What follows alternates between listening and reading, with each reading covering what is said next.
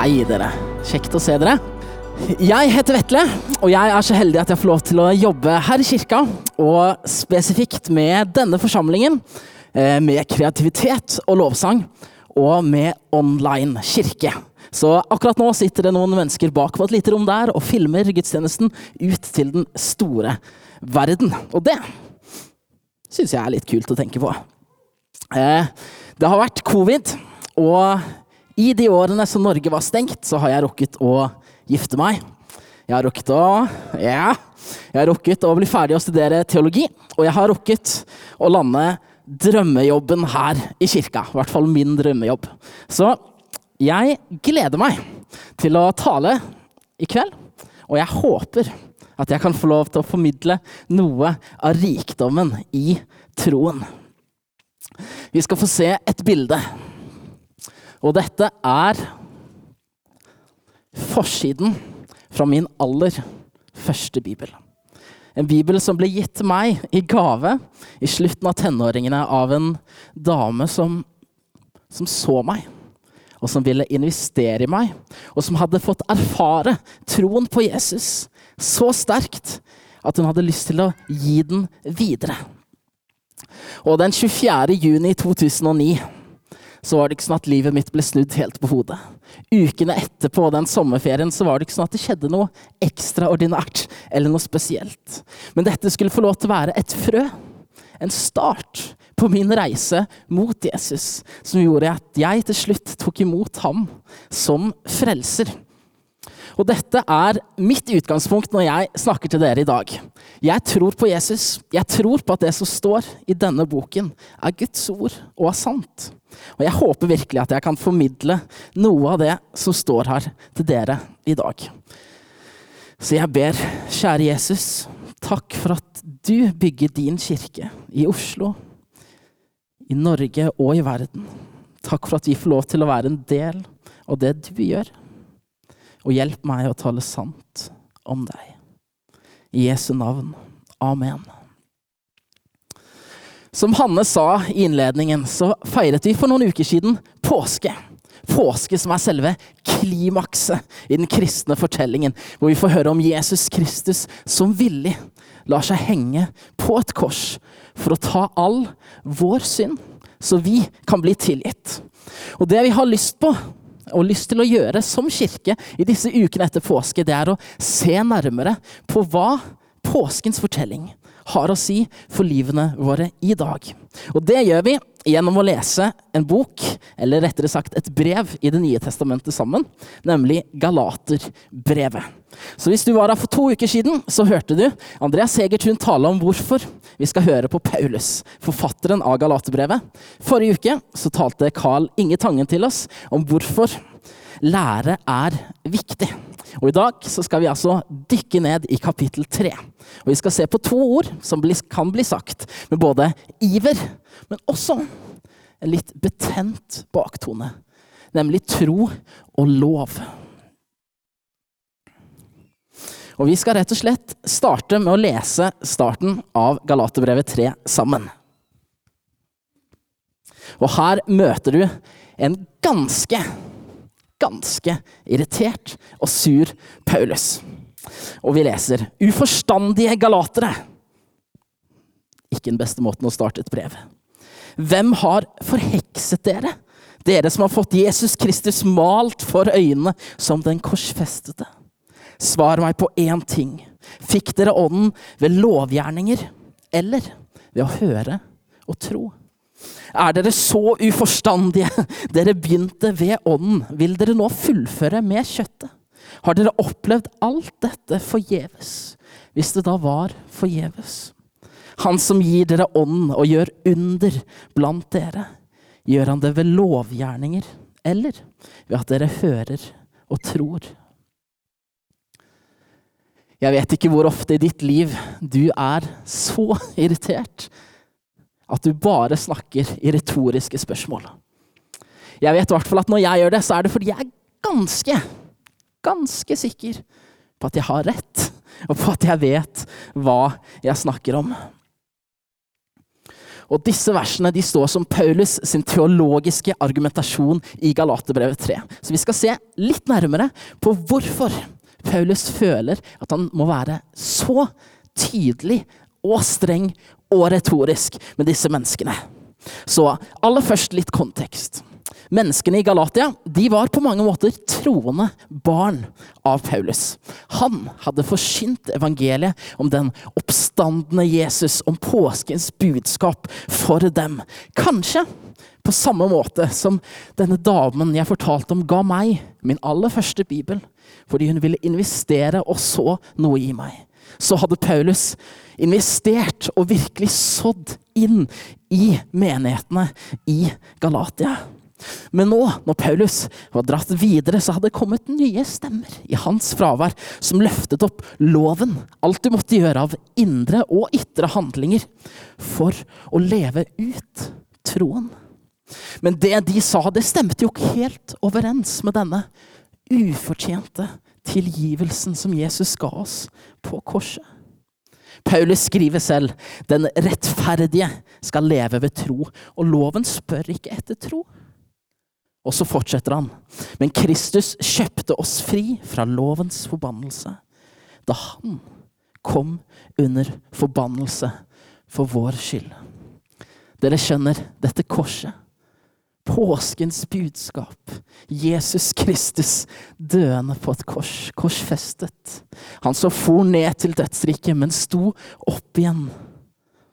Han var mest sentrale for Paulus. Og ikke bare som et symbol, men som mer enn det. For uten korset, hvor var da våre menneskers tilgivelse?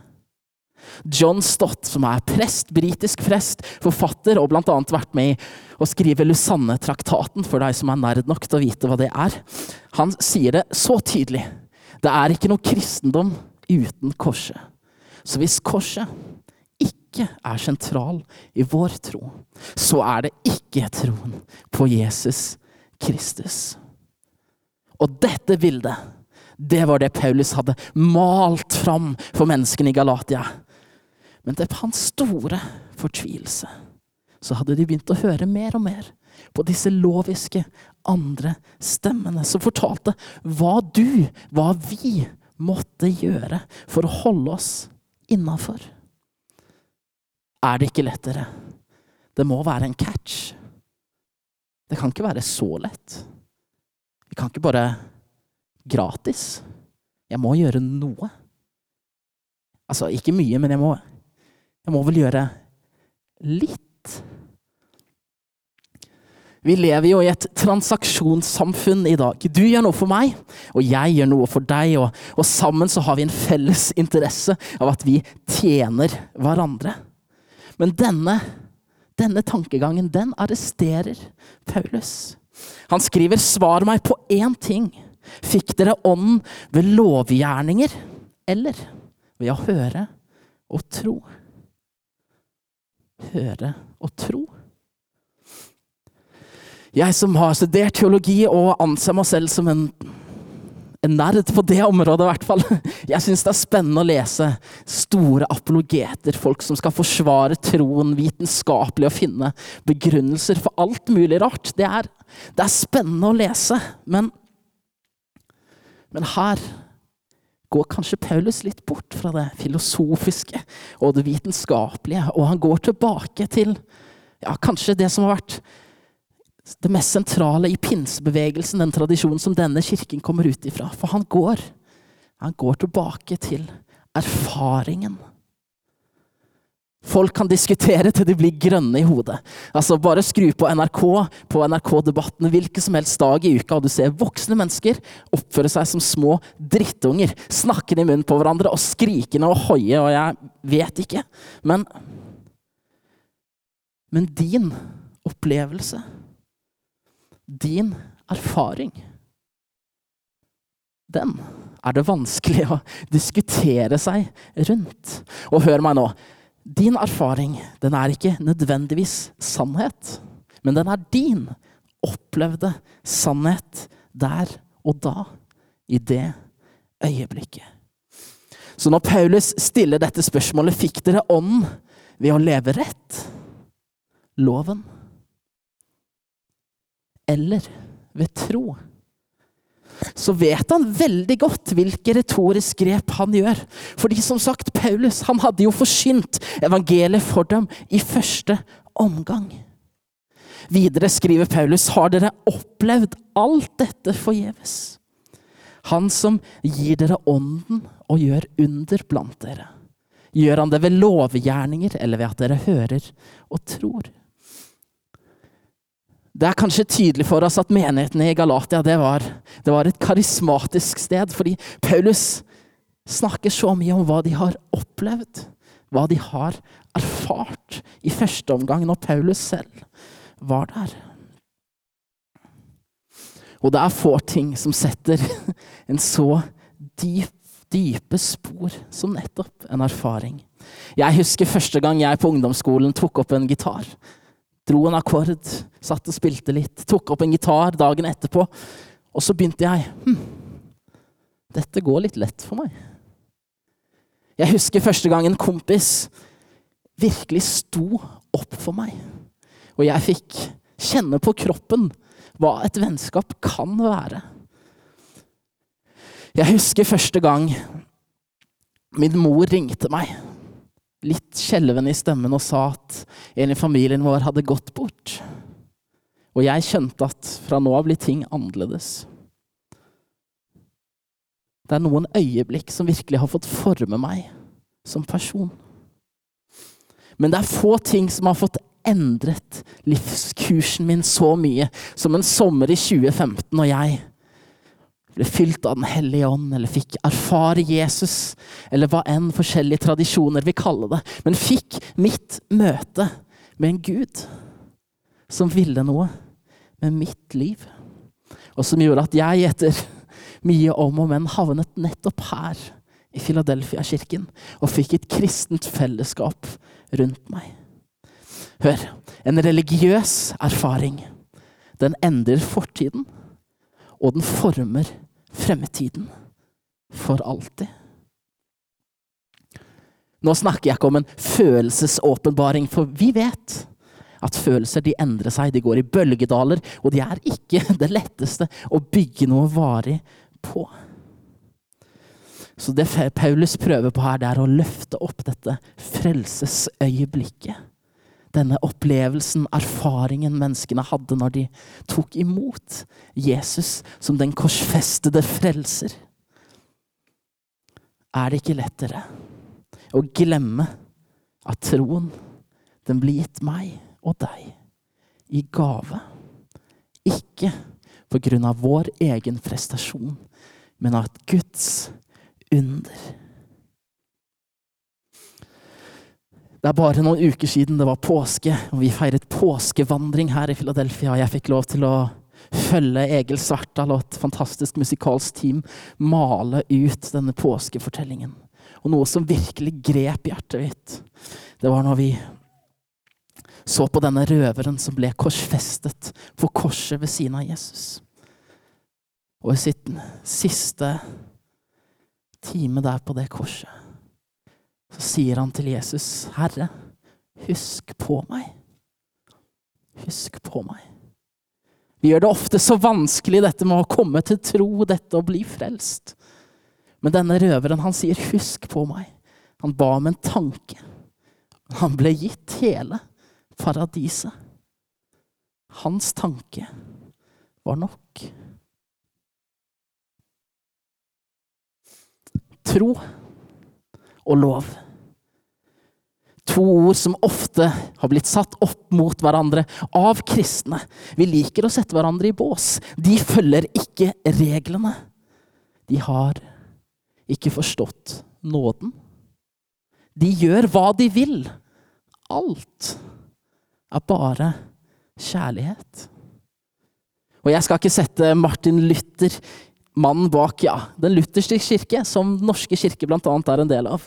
Jeg skal ikke sette han i bås. Men Luther hadde et ordentlig problem med tekster som står bl.a. i Jakobs brev i Bibelen. Brevet som er kjent for 'Hva er tro uten gjerninger til å backe det'? For Luther han brant for å forsyne troen, og troen alene, eller sola fide, til alle verdens syndige mennesker. Og dere, Bibelen den er full av tekster, som, akkurat som i Jakobs brev, som sier noe om at hva vi gjør, det betyr noe. Hvordan vi handler, det sier noe om hvem vi er. Men spørsmålet jeg vil stille nå, det er hva har definisjonsmakten over oss og troen vår? Er det først og fremst gjerningene og hva vi gjør? Eller er det det som Luther sier så fint troen? Og troen alene. Paulus han har altså så langt argumentert for galaterne ved å vekke følelser ved å se til denne erfaringen. Men så velger han å løfte opp grunnvollen, skriften, tradisjonen. Og by the way, hvis du har en erfaring, så er vel dette den ultimate måte til å teste om det er en sunn erfaring. Stemmer det overens med det som står i denne boka? Eller har du bare plutselig fått et magisk brev fra himmelen som bør inn i Bibelen, men som ingen andre mennesker har kjent på eller sett? Da er du kanskje litt på jordet. Men uansett, Paulus han starter med erfaring, og så går han videre til tradisjonen. Og vi skal lese fra vers 6 til 9 om Abraham, altså helt tilbake til Abraham, heter det. Han trodde Gud, og derfor regnet Gud ham som rettferdig. Så forstår dere at det er de som tror, som er Abrahams barn. Skriften forutså at Gud ville rettferdiggjøre hedningene ved tro. Og den forsynte på forhånd dette gode budskapet til Abraham. I deg skal alle folkeslag velsignes. Derfor blir de som tror, velsignet sammen med den troende Abraham. Og det er kanskje ikke det første du tenker på når du leser denne teksten. Men her gjør Paulus noe genialt. For han løfter opp to perspektiver på en gang. Han løfter opp at det er vår tro som rettferdiggjør oss. Men han løfter også opp at Jesus er hele verdens frelser. Ikke bare en jødenes konge, men en frelser sendt til hele verden. Kapittel tre, som vi leser nå, avslutter med de for mange kjente ordene. Her er ikke jøde eller greker, her er ikke slave eller fri. Her er ikke mann eller kvinne. For dere er alle én i Kristus Jesus, og hører dere Kristus til, er dere Abrahams ett og arvinger etter løftet. Vi er på slutten av år 40, starten av år 50. Og spørsmålet som vi nå har hørt om, det er er det tro eller gjerninger som frelser oss?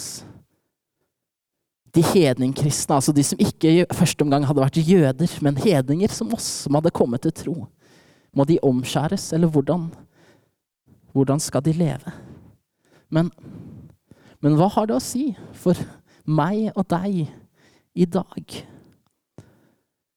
Før jeg ble kristen, så hadde jeg egentlig ikke så mange fordommer eller tanker om hvordan det kristne livet var. fordi skal jeg være helt ærlig, så tenkte jeg ikke så veldig mye over det. Men jo mer jeg har kommet inn i denne kristensfæren, eller hva enn du skal kalle det, så, så slår det meg. Hva kan jeg gjøre, hva skal jeg gjøre, hva bør jeg gjøre, hvordan? Hvordan? Og jeg tviler veldig sterkt på at noen av oss her inne føler på at at vi ikke lever etter Toraen. Jeg har i hvert fall aldri følt dårlig samvittighet for at jeg har spist et ordentlig kjøttmåltid med et glass melk. Jeg vet ikke med deg. Men Men er det andre ting vi kjenner på? Og hvor går egentlig skillelinjene mellom usunne regler og gode gjerder? Du skal ikke slå i hjel. Jeg tror vi alle er enige. Du skal ikke banne. Jeg kan se på NRK eller TV 2 på hvilket som helst program, og jeg ser kjendiser som banner, men oftere enn ikke så hører jeg Oi, Jeg skal ikke banne på TV. Det er liksom allment akseptert at banning er noe man i hvert fall ikke gjør på TV. Eller offentlig, jeg vet ikke hvor ofte du er på TV. Men vi skal være så travle vi kan. Vi skal få gjort mest mulig, men tanken om å holde én dag, en hviledag, hellig, den, det er i hvert fall viktig for oss. Du skal ikke tale usant om de neste. Vi får det ikke til. Men jeg tror vi alle er enige. Hva med denne?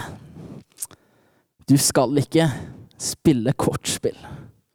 Ja, jeg vet jeg er litt banal nå, men for mange så har nettopp kortspillet vært et sårt tema i forhold til deres tro. Men la meg gjøre det litt vanskeligere for oss, da. For å være kristen, kan du drikke alkohol? Kan du være samboer? Hvor går grensen for sex før ekteskap, eller, eller er det egentlig en grense der? Det er ganske mange spørsmål vi møter på som er lette, som er vanskelige, som er betente, logiske, bibelske, og ganske mange som kanskje bare er menneskeskapt. Og derfor er det så viktig at vi stopper her et sekund og holder tunga vår rett i munnen og ikke stokker ordene. For vi må kunne forkynne evangeliet om Jesus Kristus sånn som det er, uten å ta noe fra. Men også uten å legge noe til. Vi er rettferdiggjort ved tro. Troens gave. Og vi blir helliggjort, altså formet, gjennom Den hellige ånd og gjennom nettopp å få leve med Jesus. Så greit, Etle. Troen, den er gitt i gave. Men, men jeg klarer ikke slippe den. For å, for å forbli kristen må jeg holde meg innenfor disse rammene. Eller, eller finnes det ikke noen rammer? Er troen og troen alene nok? Vi går tilbake til kapittel tre og leser. Før troen kom, var vi i varetekt under loven, innestengt, helt til den tro som skulle komme, ble åpenbart. Slik var loven vår vokter til Kristus kom.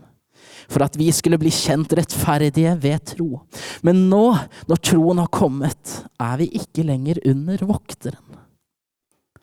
Paulus skriver ikke at loven er ond, men Paulus skriver at denne loven er som et forstørrelsesglass som viser oss vår tilkortkommenhet. Og hvor mye vi alle mennesker, alle mennesker, trenger denne frelseren Jesus. Dere, vi står i nådens tidsalder. Vi står etter oppstandelsen. Men allikevel så opplever jeg stadig vekk at jeg tar meg selv i å bygge trygge gjerder rundt meg selv. Et lovens hjerne, om du vil. Som at Jesus ikke er nok. Som at det som står her, ikke er nok, fordi Jesus fikk det ikke helt tydelig frem. Og Paulus han skriver mye inn i sin hedningkristne og jødekristne kontekst. Altså de som var jøder og tok imot Jesus, og de som var hedninger som oss og hadde tatt imot Jesus. Men jeg tror at vi ofte bygger nettopp gjerder rundt våre liv og rundt kirkene våre. For hør, Jesus kom ikke for å heve kravene. Men han kom for å senke dem. Og ikke Hør meg feil nå. Jeg snakker ikke om å ikke bry seg om helliggjørelse, altså å bli formet mer lik Jesus. Eller ikke bry seg om noe form for kristen etikk eller bibelsk visdom. Men hør. Det som former oss mennesker til disipler, til å bli mer lik Jesus, det er nettopp Jesus selv. Og ikke disse gjerdene våre krav og vår lov. Jeg vet ikke hvordan du oppfører deg med, med den du bor med, eller de du bor med, eller med vennene dine. Jeg har vært frilanser i mange år. Jeg er vant til å være min egen sjef. Og jeg må innrømme at av og til så blir jeg ganske flau over min egen oppførsel i møte med kona mi Åse Marit. For når vi setter oss ned hjemme og snakker om hva som burde bli gjort Hun har ofte mest oversikt over hva som burde bli gjort. Så tar jeg meg selv i å svare litt hurtig og krast, eller svenne et stygt blikk til henne uten at jeg egentlig tenker over hvorfor jeg gjør det, eller at hun egentlig gjør noe galt. Fordi jeg vil jo bestemme selv over mitt eget liv. Ingen skal fortelle meg hva jeg skal gjøre. Litt barnslig, jeg vet det. Men er det ikke litt menneskelig? Det vi må gjøre, det blir aldri like lystbetont eller motiverende som det vi gjør ut av kjærlighet. Det vi gjør etter eget ønske. Evangeliet om Jesus Kristus det er at vi blir rettferdiggjort ved tro, og troen alene. Og formet gjennom Guds ånd og hans tilgivelse og grenseløse nåde.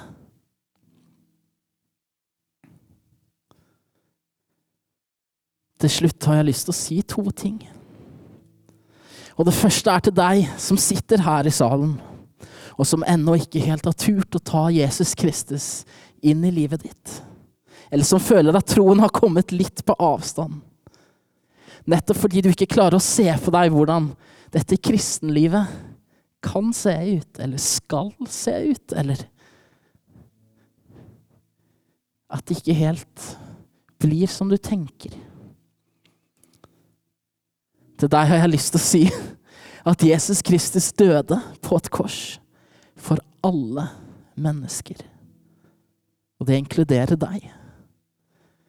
Og din lille tro, den er nok. Det handler ikke om dine gjerninger, men om din tro.